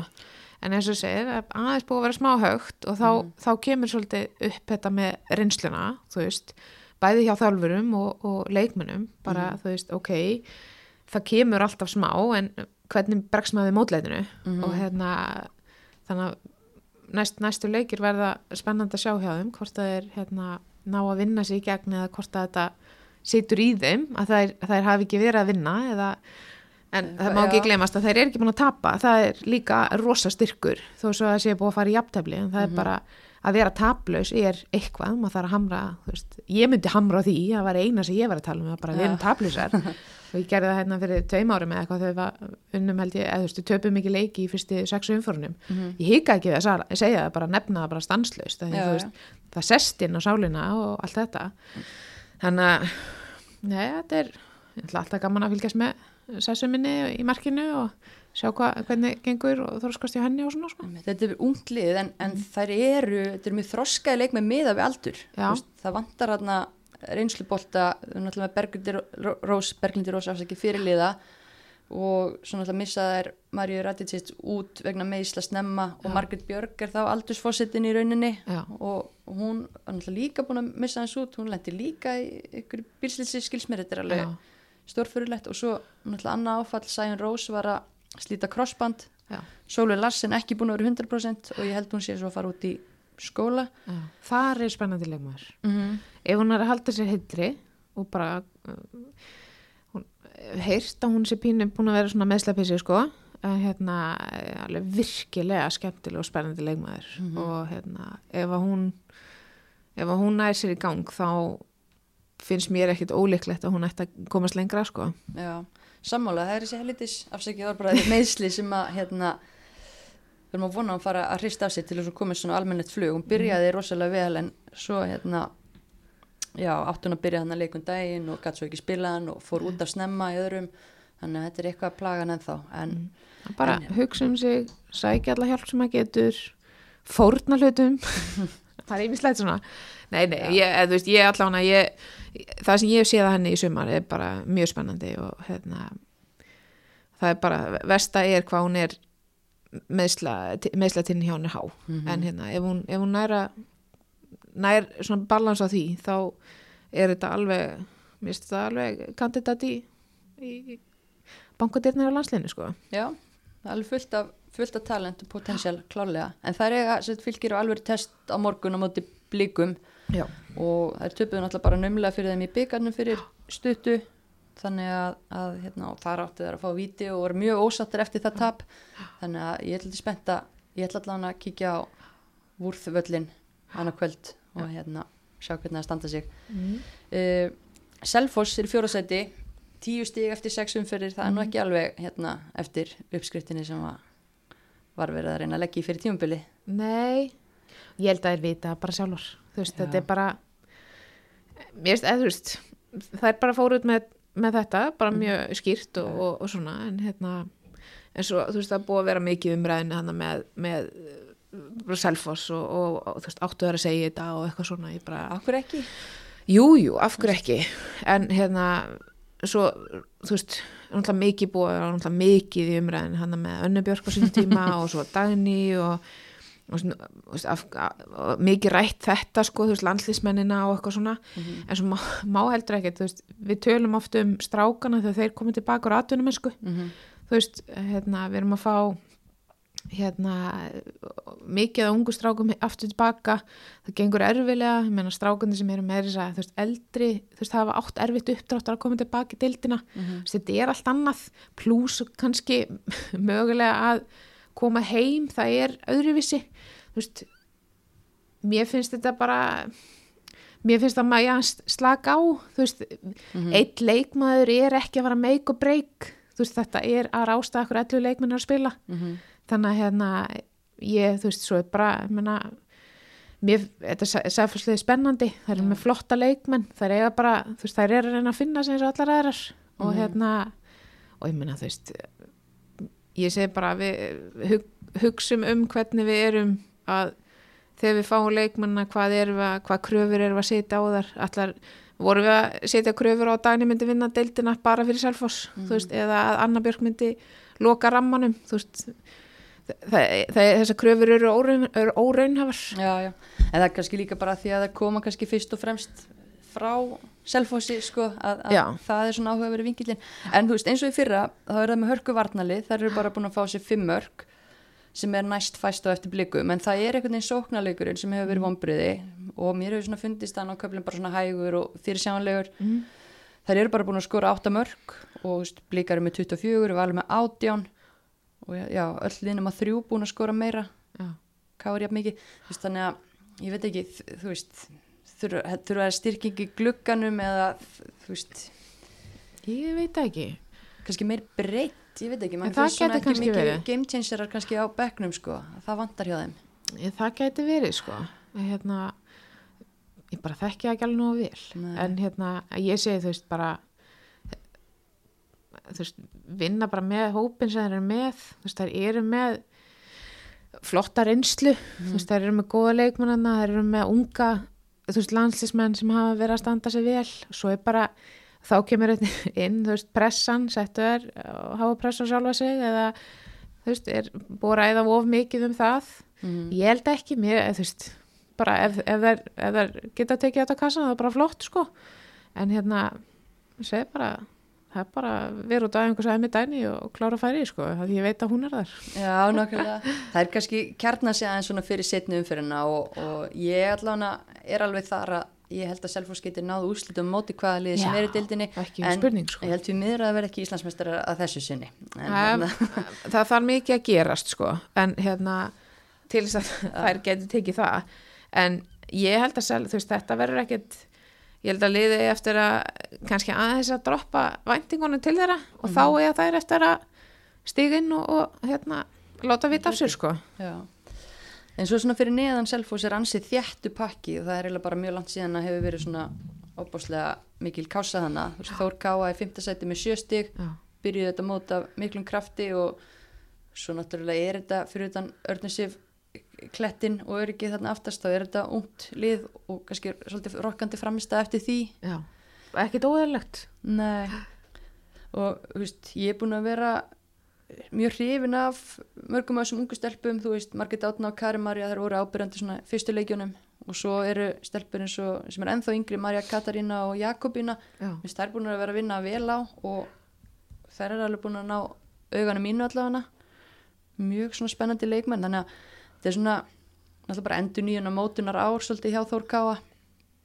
Og mér svona sýnist á öll allan að þær verði bara um miða dild, ég held að sé ekki að fara að falla en ég held að sé heldur ekki að fara að komast upp fyrir liðin fyrir ofan sig sko. Nei, ég held ekki. Og eins og segir, þú veist Arna Sifir svo sem hefur mestur einsluna og er líklega aldrei stórsæði þarna. Mhm. og hérna eins og við talaðum, ég meina reynslan skiptir bara rosalega miklu máli. Og sérstaklega þá ert með marga unga leikmenn þá hérna þá þarftu bara að leifa þeim að gera mistökin og, og leifa þeim að fá að vera upp og niður í, í þessum dölum og hjálpa þeim þegar það er erfitt af því að hérna það er ekki auðvelt að vera með lið sem er þetta ungt og með þetta marga unga leikmennin á vellinum af því að þá hérna reynslan stýrir ansi miklu og röttin skiptir máli og maður veit það bara með unga leikmenn þeir eru ekki endilega að stjórna eins og Arna Sif er að gera eða þannig, þannig að þú veist maður þarf að leifa þeim og, og, hérna, og þú veist, mér er bara frábært að þó káða sig að spila, spila fram svona ungum, ungum leikmennum Mhm. þetta er eftir að gefa þeim ótrúlega mikið ef það er að ná komast í gegnum þetta. Já. og, hérna, og leifa sér að þú veist, ekki að hengja sig þegar það gengur illa heldur, þú veist, það er ákvörð í mótletinu sem að, maður læri mest og, og hérna og, sama bara með þjálfarinn og, samfélagið þarna uppi bara leifið þeim að blómstra og taka sigrónu þegar koma og hérna, hjálpa þeim þegar, þegar það verður erfitt Mér finnst þetta svona pínu áhugavert og ég þekkir reyndar ekkit alveg nógu vel aðstöðar á, á bakviða en þær voru að ná sér í nýjan erlendaleikmann Madeleine Gotta og hún er búin að spila þrjáleiki og veist, ég veit ekki hvernig það var planað, hvort hún sé bara skila sér svona seint en ég velti því samt fyrir mér miðan við svona framistuðu þessara leikmanna sem hafa verið að spila þessa leiki hvort það hafi verið óþarfi að taka hann inn þú veist, ég veit ekki alveg, ég veit ekki alveg hverjar eru nákvæmlega að fara í skóla, þú veist, út af COVID-inu hvort það sé eitthvað breyting þar á. Þú veist, en væntalega kunnaði að telja þarna fyrir norðan og, og hún er að fara að leysa ykkur pláss sem að er að losna en, en mér finnst samt svona þú veist, áhugavert að því að mér finnst þetta allan svona fyrstu sín fýll leikmaður en ekkert eitthvað svona brjálæðslega afgerandi Nei. allavega í þessum fyrstu leikjum sínum en Nei. kannski gefinni tíma bara. En neina, þetta var bara svona vanga velting sem að og þá er mitt kemur inn á hlut sem að Bára sagði í Pepsi-mörkunum með daginn, Mhm. þú veist, þegar maður er að sækja sér ennlendan leikmann, þá ætlast maður líka til að hans er betri heldur en le- íslenski leikmann þetta er sama, sömu kröfur eru settar á okkur þegar við fyrir ellendis, við þurfum að vera betri heldur en heimamenninir og það er bara ekkit óðurleitt við það, nei, nei. þú veist, af hverju er maður að spila útlending ef að þú ert með ungan leikmann sem að þú veist, er í sama kaliberi eða þú veist, þú, en þú sérði að hann er með hjarta fyrir klúbin og, og allt svona sko. Algjörlega. Þannig að það er, það er líka alltaf spurning, það er bara hvernig er maður að skáta og ert að skáta rétt og, og svona. Já, og svo er þetta líka bara pæling, þú veist, þarftu þennan leikmaður bara treinlega til að ná í lið og, og eins og kannski er, eru, eru, já, þú veist, ég held að það séu þrjár sem að hafi átt að fara í skóla, en ég veit bara ekki hvort að það sé að gangi gegn í öllum, þannig að ég Nei, og, kannski bara þurfa að rannu upp á það að því að þú ert líka með svona unglið þá getur ekki endalust og þó að þeir eigi hamrana inni þá getur ekki endalust gengið á á mannskapin þannig Nei, Kannski og er það, hún kannski kemur með eitthvað reynslu sem ma- maður þekkir ekki til. Að fyrir utan að- það líka þannig að þetta er bara svona að hugsa upp átt bara Mm. vangavelta og á ekki í rauninni bara við Þór Káa en bara því að hún kemur svo seint inn þá fór ég að velta þessu fyrir mér. En Ok. þær eiga Káa þrótt stjörnuna og IBVF í fjórunæstu Já, það gætu verið 12 stig en það gætu líka verið náttúrulega 0 stig með við En sveiflunar í þessu Já, og er ekki, er ekki, hérna, er ekki káleikurinn í kvöld? Jú. Já, þannig að hérna, meina ká er búin að vera á siglingu, mm -hmm. en hérna, það er erfitt að fara norður, Já, það virðist vera lengra að fara norður heldur en að koma söður. Mhm. Það- það er ótrúlegt eins að Já, okkur, hérna, reykingum finnst það allan Já. en hérna, nei, eins og segi, en, en enn og aftur, þá komum við að þessu, þú veist, þessi með unguleikmanna og, og þeirra, þeirra dag, þú veist, það er bara, þegar maður er ungur þá hérna, getur maður átt alveg bara bombuleik og, og svo bara aftur en svo bara þriðji leikur og þá bara dippa maður af því að þú veist, maður er bara, það hæ, þú veist, bara, bara hluti af að vera ungur og, og hérna, þetta mótleiti og, og lærin á sjálfa sér sem leikmann og svona, þannig að hérna, ef, að, ef það er, ef það gýra sér rétt upp þá, þá ættu að vera að geta náð góðum úrslitum. Ég er ekki vissum að ná sigurum í öllu, Nei, það er það er mögulegt mikið, sko, já. en þá þarf líka þá ef það gerist Mhm. þá hefur Þór Káa tekið alveg ótrúlega þróskastök með Mhm. alla þessu ungu leikmenn innan bors og hérna, var náttúrulega geggjað fyrir þeir sko, já, já. en hérna En ég, það, er alveg eiga að að, það er eiga eftir að fara niður og Já. Mhm. það er bræðilegt og hérna, en ég held að leikurinn í kvöld verið mjög spennandi að, að sjá. Já, Það- Ká er einmitt með jafnmörg hérna, stig, aðeins lagari markatölu og þær eru að komast í ganga eftir bara horror byrjun þar sem var Já. töpuð öllu og fóru svo í sótkví og allt í voli en já. svo hérna vinnaður FH 3-0 núna síðast og það er kannski svona fyrsti svona virkilega samfærandi deildarleikurinn kannski. Já. komast upp í sjö já, tveir sigur ári jafntöfli í þrejum síðustu leikjum pluss sigur í byggar Já, Katrin Áspísdóttir hefur verið að stígu upp bara geggja. Kona sem er að koma tilbaka eftir badning, fyrst það er svona búið að vera þema hjá okkur hérna í dag. Nákvæmlega. Hún er búin að skora helmingin af mörgum káar, komið fjögur. Já, bara ótrúlega mikilvægt fyrir káringana hún sé komin í gang sko. Mhm.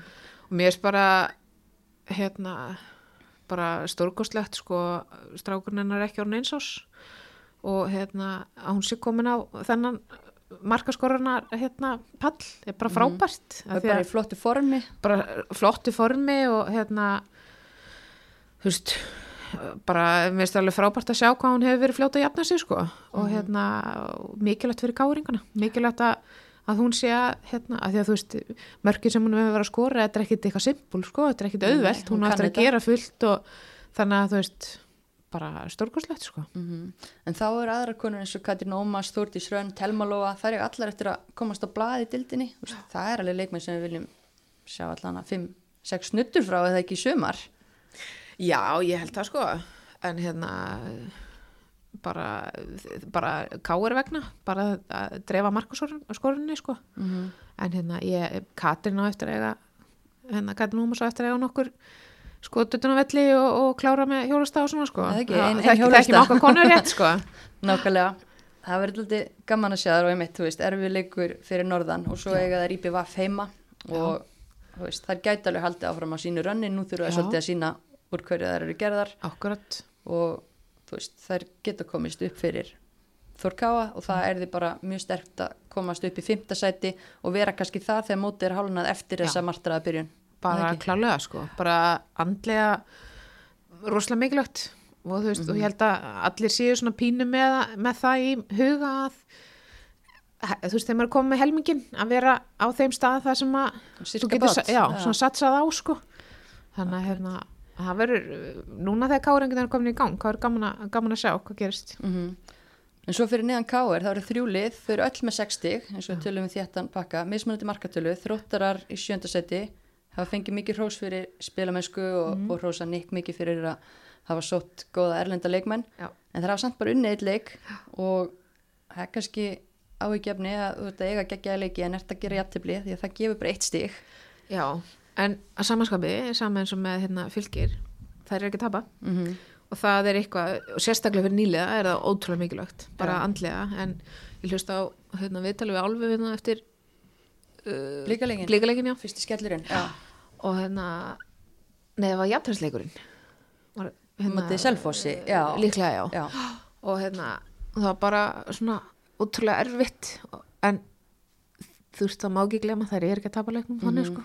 Og svo koma blíkanir og ég menna það er bara þú veist blíkanir eru blíkanir sko og gleymum því heldur ekki sko að það vantaði sex startera í þróttarliðið á. Kópavásvelli og þú veist hvaða lið myndi ekki lendi í vesinu sko Nei. tvekja, þryggja hvað þá sex stykja þannig að akkurat þó að þær hafi nú verið 9-10 en í einu vítateg Já. í 90 mínútur og, og fengið þessi fimm mörg þá þú veist, ætlaði ekki alveg að taka þeirra lífi fyrir, fyrir þessar tölur Nei og svo þú veist hv- hver er það sem að nýliði, hvað nýliði fyrir inn og bara á að sækja stig og kópa þessu Mhm. á móti blíkonum það er enginn sem gerir það Nei. og þú veist eins og ég segi það bara þetta var það var gott fyrir þær að máta sig og þessar ungu leikmenn sem að hafa ekki kannski fengið mínútur, voru að fá mínútur á móti eh, topp top mm -hmm. og hérna bara frábær reynsla fyrir þær og hérna bara hrista þennan leik af sér eftir leiku fyrir leik og bara áfram gakk og hérna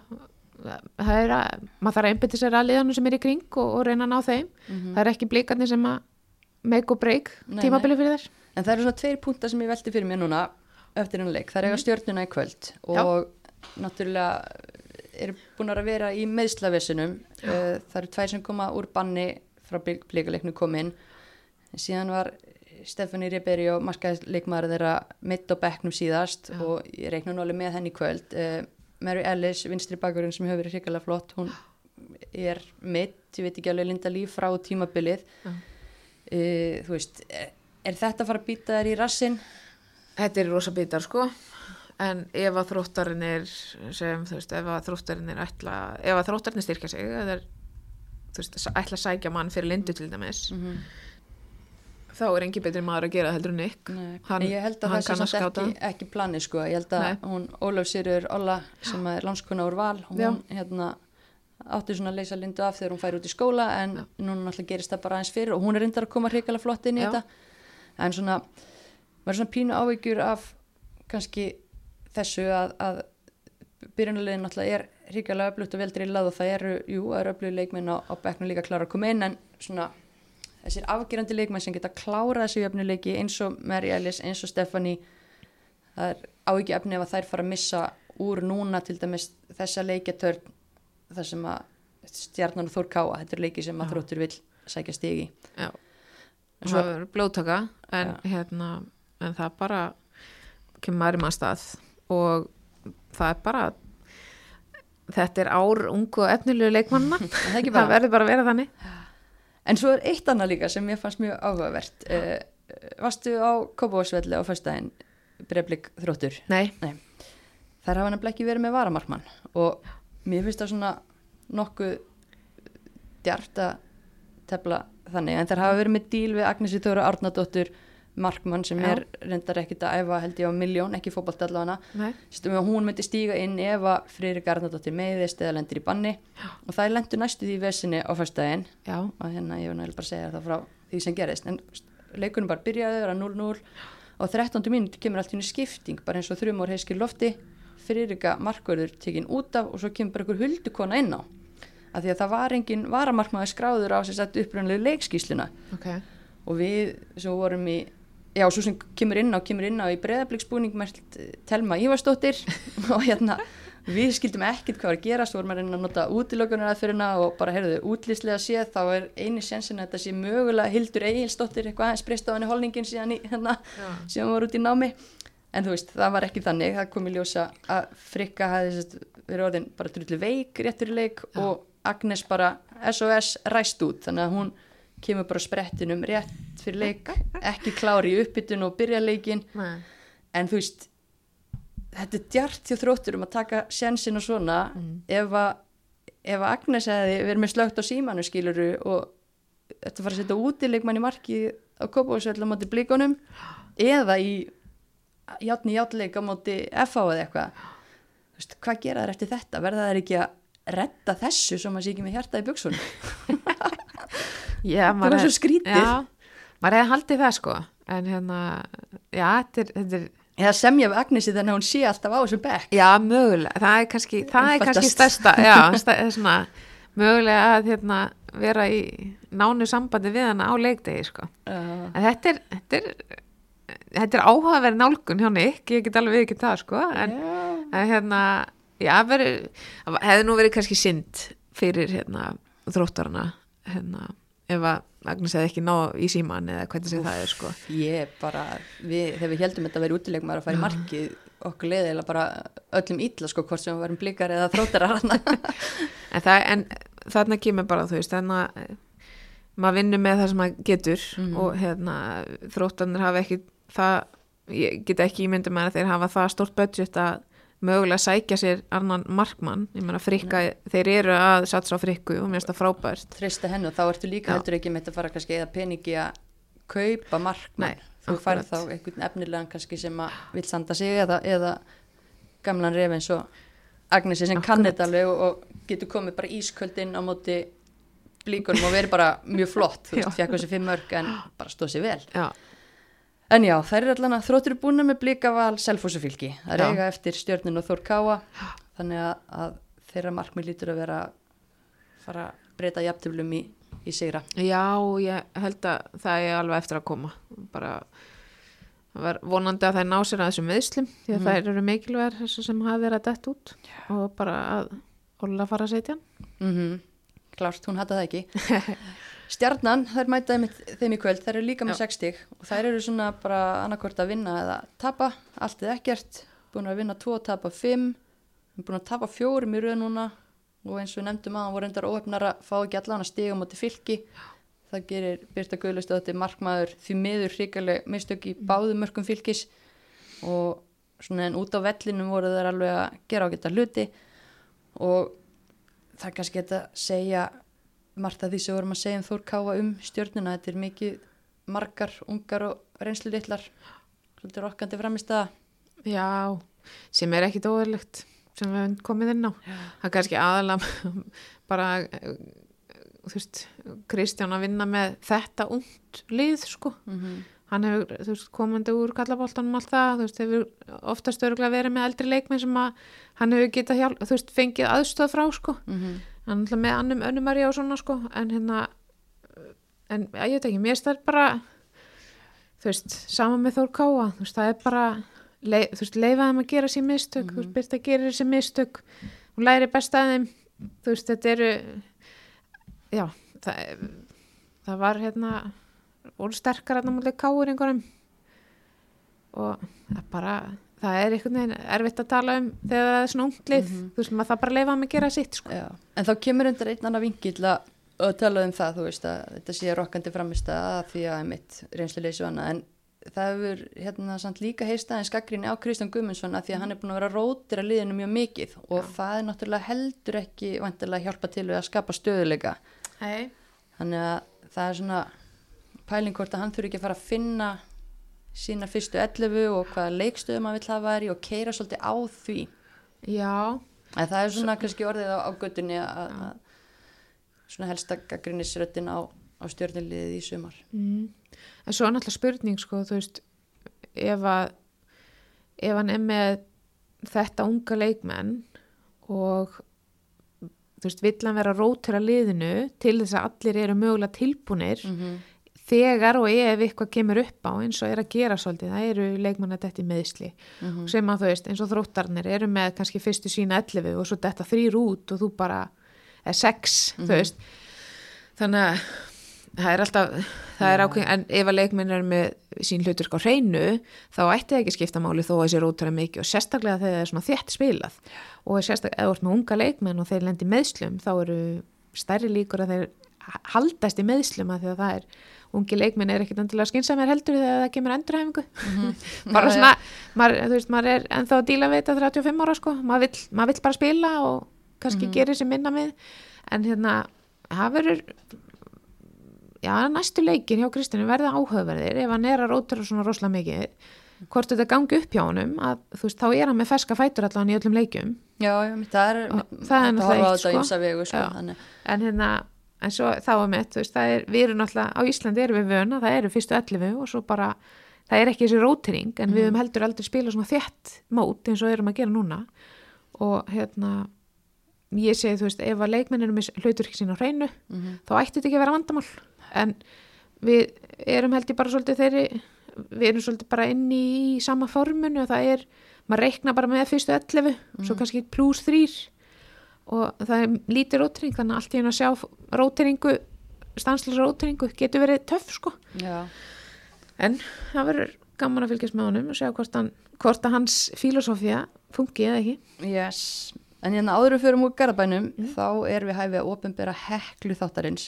Við erum hérna náttúrulega í bóði bílaðumbóðsins heklu og við höfum verið að velja sér hekluna okkar í hverjum þætti og það er þá einhver leikmaður sem er að gera það gott utanvallar Mhm. og er svona öðrum góð fyrirmynd. Og í dag er það frábær leikmaður sem hefur því miður þurft að takast á við erfið meðsli.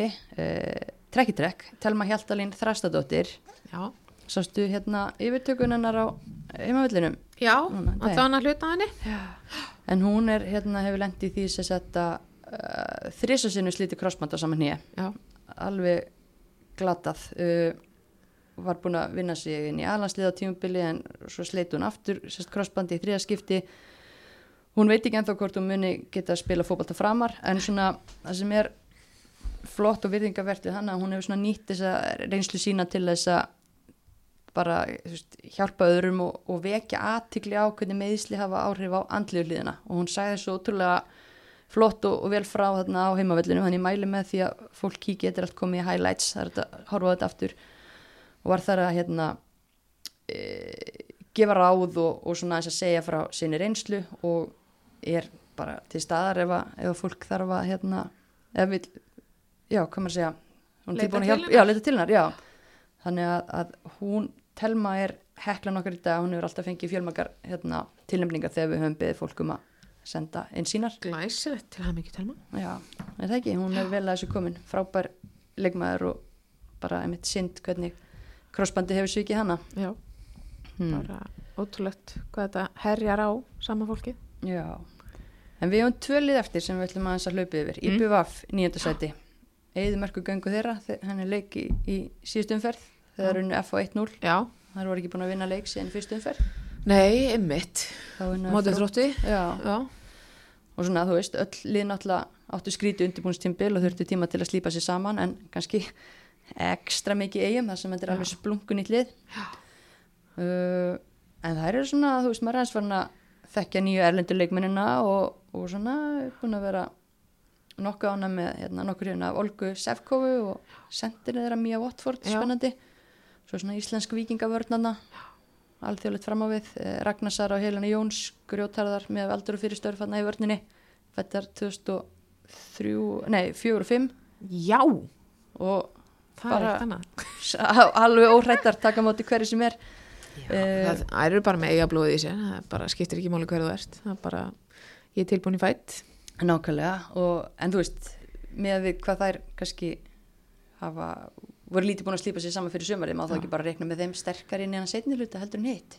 Jú, ég held það. Og það er náttúrulega bara það sem hefur verið svolítið erfitt fyrir IPVF og liðin út á landi, það er bara að fá leikmenn. Mm og þeir komast oftast ekkert fyrir en bara rétt fyrir mót.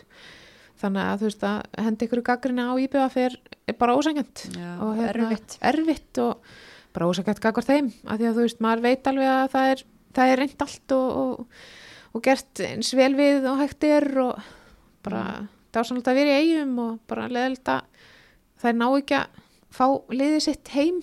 Margar náttúrulega kannski skólu upp á, upp á landi líka og svona sko.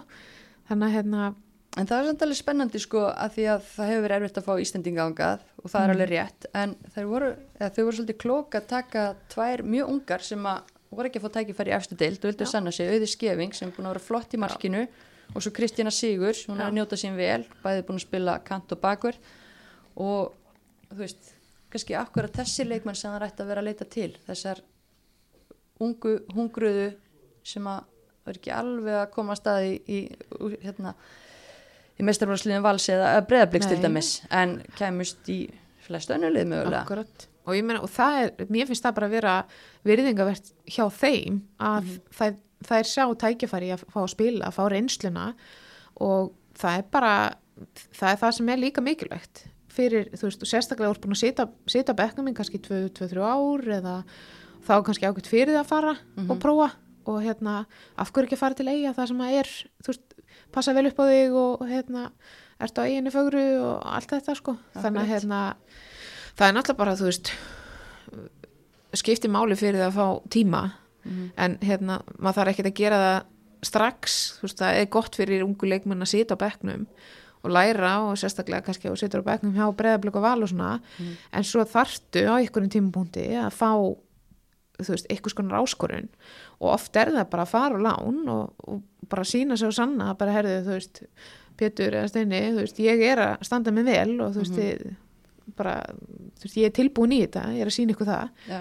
og hérna, svo er bara, svo gleymi stundum að þegar maður fer í lið sem að kannski er ekki að halda bolta 80% þá lærir maður alveg ótrúlega mikið Mhm. af því að þá ferðu allt inn að læra varnarleik að þú ert að spila á móti bestu leikmannunum þú ert ekki með bestu leikmannunum og þar hérna, gleymist oft að það er ótrúlega mikilvægt og það er mikilvægt sérstaklega í sem ungu leikmaður þá verður maður aðeins að ströggla og þá finnir maður líka, er þetta fyrir mig er ég að fara að leggja mig veist, huga og sál í þetta og hérna, það gerist ekki þú ert bara konstantli bara ókslega glaður og ánæður Nei. verður að finna mótliti Nákvæmlega, það er alveg valit punktur og bara spennandi að sjá IBVF í þessari setni umferð svo. Já. En hérna það er eitt lið sem þarf að sitja á botnum og það er nú uppeldisfélagið þitt, Já. FH. það er auðvitað að fylgjast með þeim. Ah, Þrjú stig, ótrúlegt kannski að þessi þrjú stig hafa verið sótt norður og akureyri. já, En þær eru búin að fá mikla gaggrinni og hérna svona bæði fyrir að einstaklinga sé ekki að standa undir væntingum og svo líka bara leikskipulaði sér slagt, hvort sem það sé upplegið eða bara illa framkvæmt, þú veist, það er eitthvað sem fólk getur diskuterað um. En svona, þær eru bara búin að skora tvö mörg, annað er að beint úr hotni og, og hitt svona eftir mjög mikið klögagangi í þórkóavörninni, en þú veist, ég ætla ekki að taka það, það er náttúrulega bara pre já. pressumark og gerðu það vel svo sem fyrir norðan, en þú veist, stigalega er það bara einum sigri frá liðanum fyrir ofan sig, þannig að þetta er alveg galopið, en manni finnst áhugjefni hvað spilamennskan hefur verið döpur. Hérna, hvað segir gamli F-fáingurinn? Þetta er ég, ég bjóst við þeim sterkari sko en svo, svo er með það sama að maður einhvern veginn vikur á maður að búast eftir svona hlýja sko og svo hérna en hérna ég meina fengu Sisi og fengu Andri mist og hérna og svona þannig að eh, maður veit ekki alveg ég veit ekki hvernig á, maður á að ræða Nei. um þær af því að þetta er svona maður, maður, set, maður bjóst við stærri væntingum frá þeim sko eða að maður bjóst við meira frá Mm en hérna en ég hef líka alveg þú veist nú er ég bara eins og Pollyanna bara ógslag ákvæð og vona bara að það er þú veist rífið sér í gang sko. Þú veist það er menna hérna en það er eins og ég segi það er kannski að vantar að- aðeins meira að það er skilja ykkur aðra Já, og þú veist að hafa þú veist hvaða leikmenn ég er með í kringum mig og, og svona sko spila styrkleika. Já. Já. sí, þú veist, Sísi sí, hefur verið að leysa miðverðina aðeins og hérna, þá tapar maður svolítið á miðjunni og hérna, Mhm.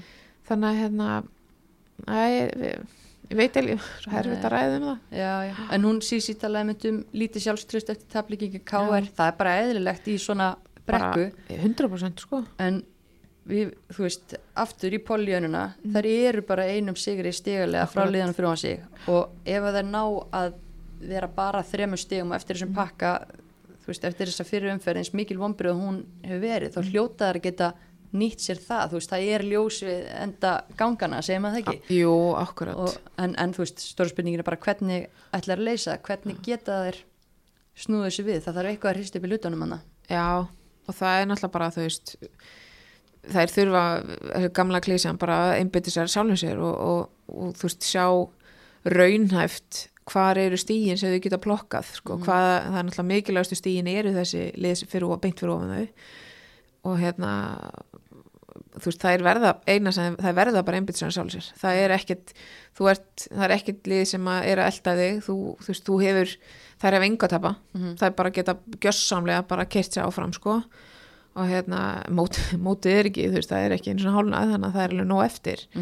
En hérna, en þú veist, bara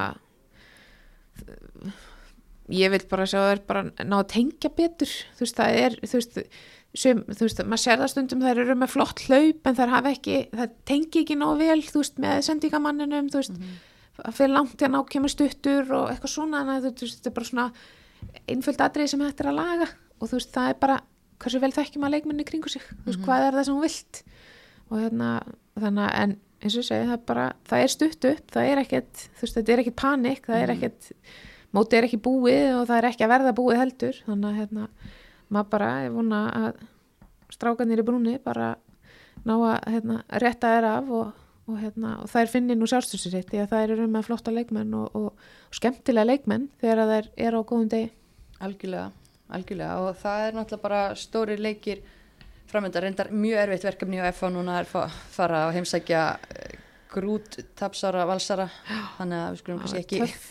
reikna með Nei, þá kemur En að, það- sko, þú veist, hvað ætlar að fá út úr leiknum, Mhm. þú veist, auðvitað fær maður alltaf inn til að vinna, en þú veist, hvað er markmiðið með leiknum og hérna, eins og þú veist, maður veit alveg hvernig valur kemur inn, þannig að, hérna, þú veist, eru þetta stígin sem þú ætlar að sækja, þú veist, er þetta make og break fyrir þig, algjörlega. Þannig að, Já, já, þetta er svona, það er alveg ímislegt að pæli en hérna, við getum talað henni allan dag, en áður en að ég sleppi þér út í góða verið, ætla ég að beða henda í örstutaspá fyrir áttundu fyrir úff, bara Nostradamus, það sem kemur fyrst upp í hugana já, þér, já, þrý leikir í kvöld. IPVF Selfoss, uh, Selfoss vinnur, ég held að fari, ég held að Selfoss skorið tvö og IBF því miður kennst ekki á blað, ok, mm, Þór K. að K.R. ú, hörkuleikur fyrir norðan, uh, Mhm. ég held að Katrin haldi áfram sínum hætti, skori. Ég held samt að vera tætt. 1-0 káir Katrin Áspjörs með vinnir, já, Stjarnan Þróttur, já. Já þetta er ekki auðveld að spyrja nei, nei, ég, hérna ég ætla að segja að þróttararnir vinna. Uh, erfitt fyrir þær. En hérna ég, já, ég segi þróttur.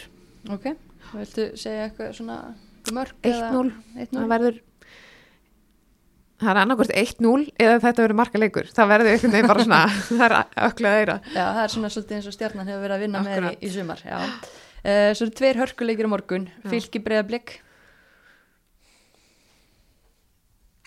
Ég ætla að segja, ég segi jafntefli á hann bara til þess að sjá. Að mér langar að hérna, sjá svona hvernig, hvernig það bregðast við sko. Ok, en hérna, ég segi jafntefli. 0, nei, ekki, 1-1 1-1 Sonni færa sér mark. Ó, nei, shit. Jú, 1-1, gerum þetta spennandi. Já, til ég Og svo lokum Valur FH Já, valsarandi þetta. Það er, ég held að það er verða alveg brjálar ég held að þetta endi 3-0 fyrir val Já. Og hvað völl ætlað þú? Hvað finnst þið mest spennandi viðregnin? Ég held að fylki eh, fylki breyfleika er ótrúlega spennandi. Svo Mhm. spurning hvort að ég ná komast. Ég er að, ég er að fara elsna með í fyrramáli nei, hann á 15. mótna Já, ég skilji hann að hann er í TV hann er í TV hann að náða hann þar á meðan ég er að pakka. Já, geggja. En hérna, bara takk sér fyrir að gefa þið tíma til að kíkja í hérna, miðjum pakningum já, ég, Og bara hérna- auðvitað, bara gaman. Já, og svona en við kveðjum þá vil ég líka þakka Origo, Dominos og Heklu fyrir að bjóða upp á þáttinn. Takk fyrir mig, Já. kæri fyrirtæki. Já, og hérna og þakka hlustendum náttúrulega að sjálfsögðu það er náttúrulega okkar aðal, aðal fólk sko. en hérna þú skila góðri kveðju og okkar fólk í Kristjánstad Ísland býður að hilsa ég skilja því. Og bara sjáumst við hressa á vellinum